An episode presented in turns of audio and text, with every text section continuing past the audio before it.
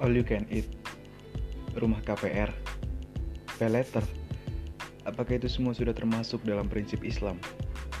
Kita sebagai penduduk Indonesia di mana Islam menjadi mayoritas, sudah semestinya memahami segala bentuk transaksi apakah itu halal atau enggak. Ya seminimalnya tahulah. Di episode ini gue bakal bahas beberapa bentuk transaksi fikih kontemporer yang relate terjadi di lapangan. Menggunakan 14 poin analisis, termasuk di dalamnya ada usul fikih, kaidah fikih, makosid syariah, bahkan menurut fatwa DSN dan standar syariah uh, OIV. Jadi buat teman-teman, mari belajar.